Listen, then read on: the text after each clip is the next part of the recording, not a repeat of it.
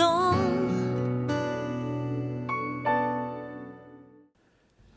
Święty Jan Bosko często jest przedstawiany jako człowiek zdecydowany i bez cienia wątpliwości, odważnie zmierzający do wyznaczonego celu, bez zmartwień i borykania się z jakimiś wewnętrznymi problemami. Nie trzeba jednak wiele szukać, aby odnaleźć tekst, którym pisze on o trudnościach, jakie mu towarzyszyły w podjęciu decyzji co do przyszłości. Była wiosna 1834 roku. Miał wtedy 19 lat i głowę pełną wątpliwości. Rok szkolny powoli zmierzał do końca, a on tkwił w zawieszeniu.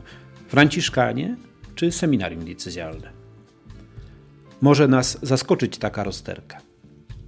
Wspomnienia oratorium, czyli książka autobiograficzna księdza Bosko, nie dostarcza zbyt wielu szczegółów, ale dostatecznie wiele, aby chociaż trochę poznać ówczesny stan ducha młodego mężczyzny stojącego przed wyborem dalszej drogi. Przypomnijmy sobie istotny fragment zapisków biograficznych, w których ksiądz Bosko po 40 latach wspominał ostatni rok szkoły w Kieri. Tak napisał. Jednak niechęć do wierzenia w sny, mój sposób życia, pewne przyzwyczajenia serca i zupełny brak cnót potrzebnych w tym stanie sprawiały, że miałem wątpliwości i bardzo trudno było mi podjąć decyzję. Był to bardzo trudny wybór.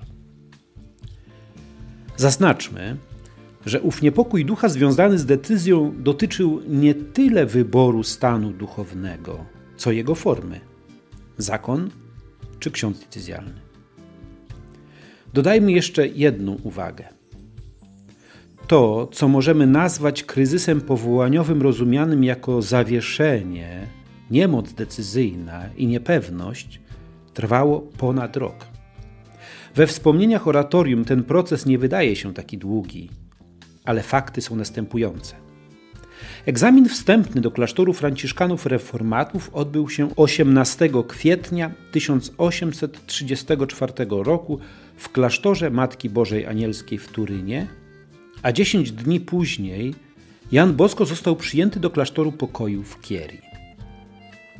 Wtedy jeszcze nie znał Alojzego Comollo, który dopiero rok później, również na wiosnę, odegrał ważną rolę w ostatecznym podjęciu decyzji.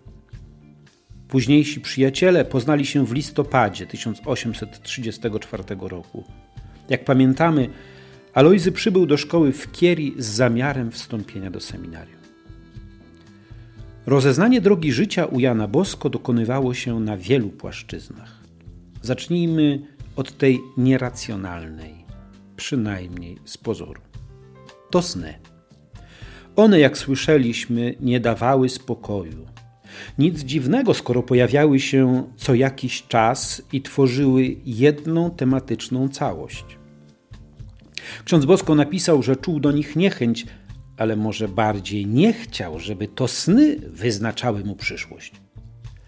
Nie odczytywał ich z całą pewnością jako znaku z nieba. One jednak nie ustępowały i przede wszystkim miały związek z jego życiem.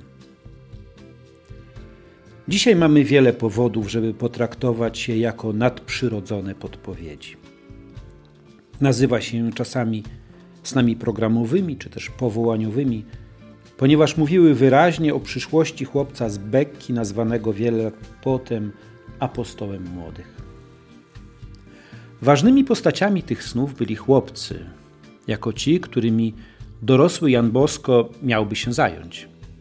Jego wieloletni przyjaciel, Jan Filipello, z którym 4 listopada 1831 roku odbywał pierwszą podróż pieszą do Kieri, w czasie procesu beatyfikacyjnego zeznał, że 16-letni Jan powiedział, iż zamierza być księdzem, ale nie proboszczem.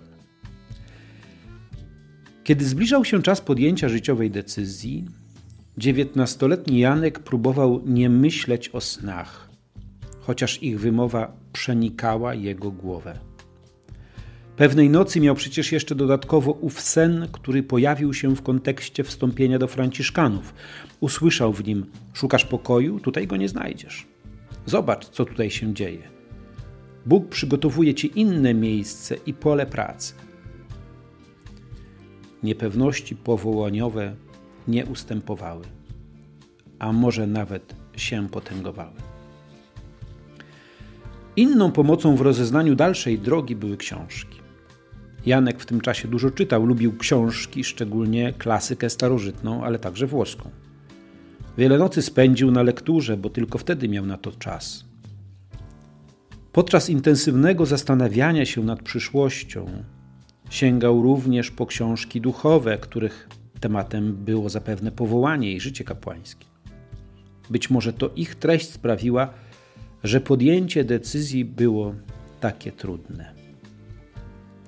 Kiedy przyjechałem na wakacje do domu, napisał, zerwałem z szarlataństwem, kuglarstwem, iluzjonistyką i oddałem się dobrym lekturom, które, muszę to powiedzieć z wielkim wstydem, do tej pory zaniedbywałem.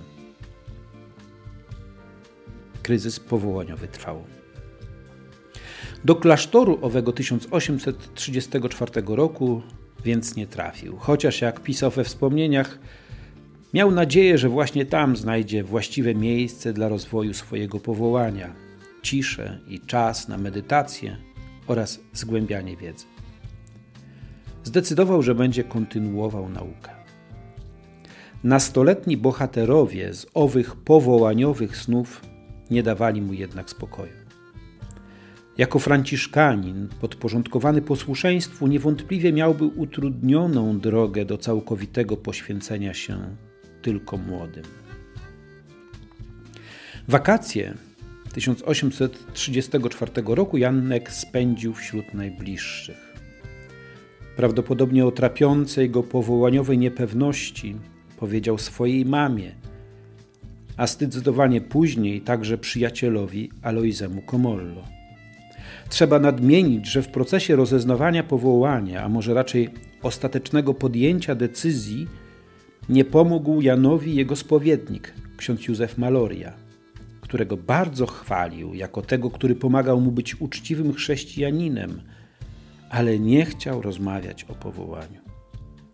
Dodajmy, że Janek bardzo ufał księdzu Malorii i wybrał go na spowiednika także w czasie seminarium.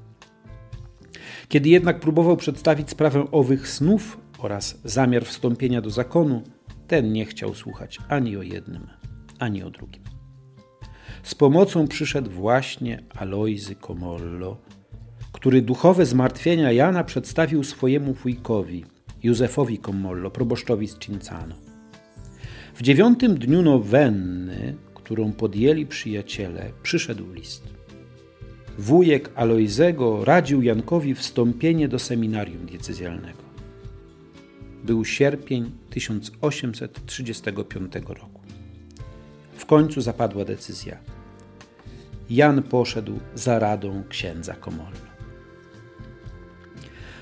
Do tematu rozeznawania drogi życia i miejsca w kościele przez Jana Bosko chciałbym dołączyć jeszcze jeden fakt z jego życia, który jest związany z ukończeniem przez niego konwiktu kościelnego w 1844 roku. Jak pamiętamy, młody ksiądz Bosko po święceniach za namową księdza Cafasso Zgłębiał wiedzę z teologii moralnej oraz przygotowywał się pod kątem duszpasterskim do posługi kapłańskiej. Po ukończeniu tych studiów podyplomowych, bo tak moglibyśmy nazwać te trzy lata nauki, przyszła pora podjąć nowe obowiązki. W tym czasie ksiądz Bosko gromadził już młodzież w pomieszczeniach przy kościele świętego Franciszka z Asyżu, gdzie mieścił się konwikt. Czasami przychodziło nawet 50 chłopców. Dzieło oratorium nabierało więc już konkretnych kształtów. Zakończenie studiów złączyło się jednak z myśleniem o poszukiwaniu innej formy życia kapłańskiego niż ta, do której się przygotowywał przez 9 lat. Ksiądz Bosko ponownie zaczął myśleć o życiu zakonnym. Brał pod uwagę wstąpienie do oblatów Najświętszej Marii Panny, aby wyjechać na misję, lub też wstąpienie do rozminianów. Opowiedział o tym Salezjanom w latach 70., kiedy zapytano go, czy był w nowicjacie u Dominikanów.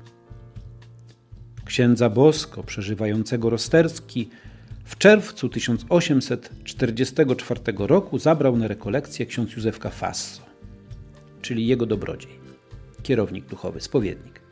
W przyszłości któryś z odcinków postaramy się jemu poświęcić.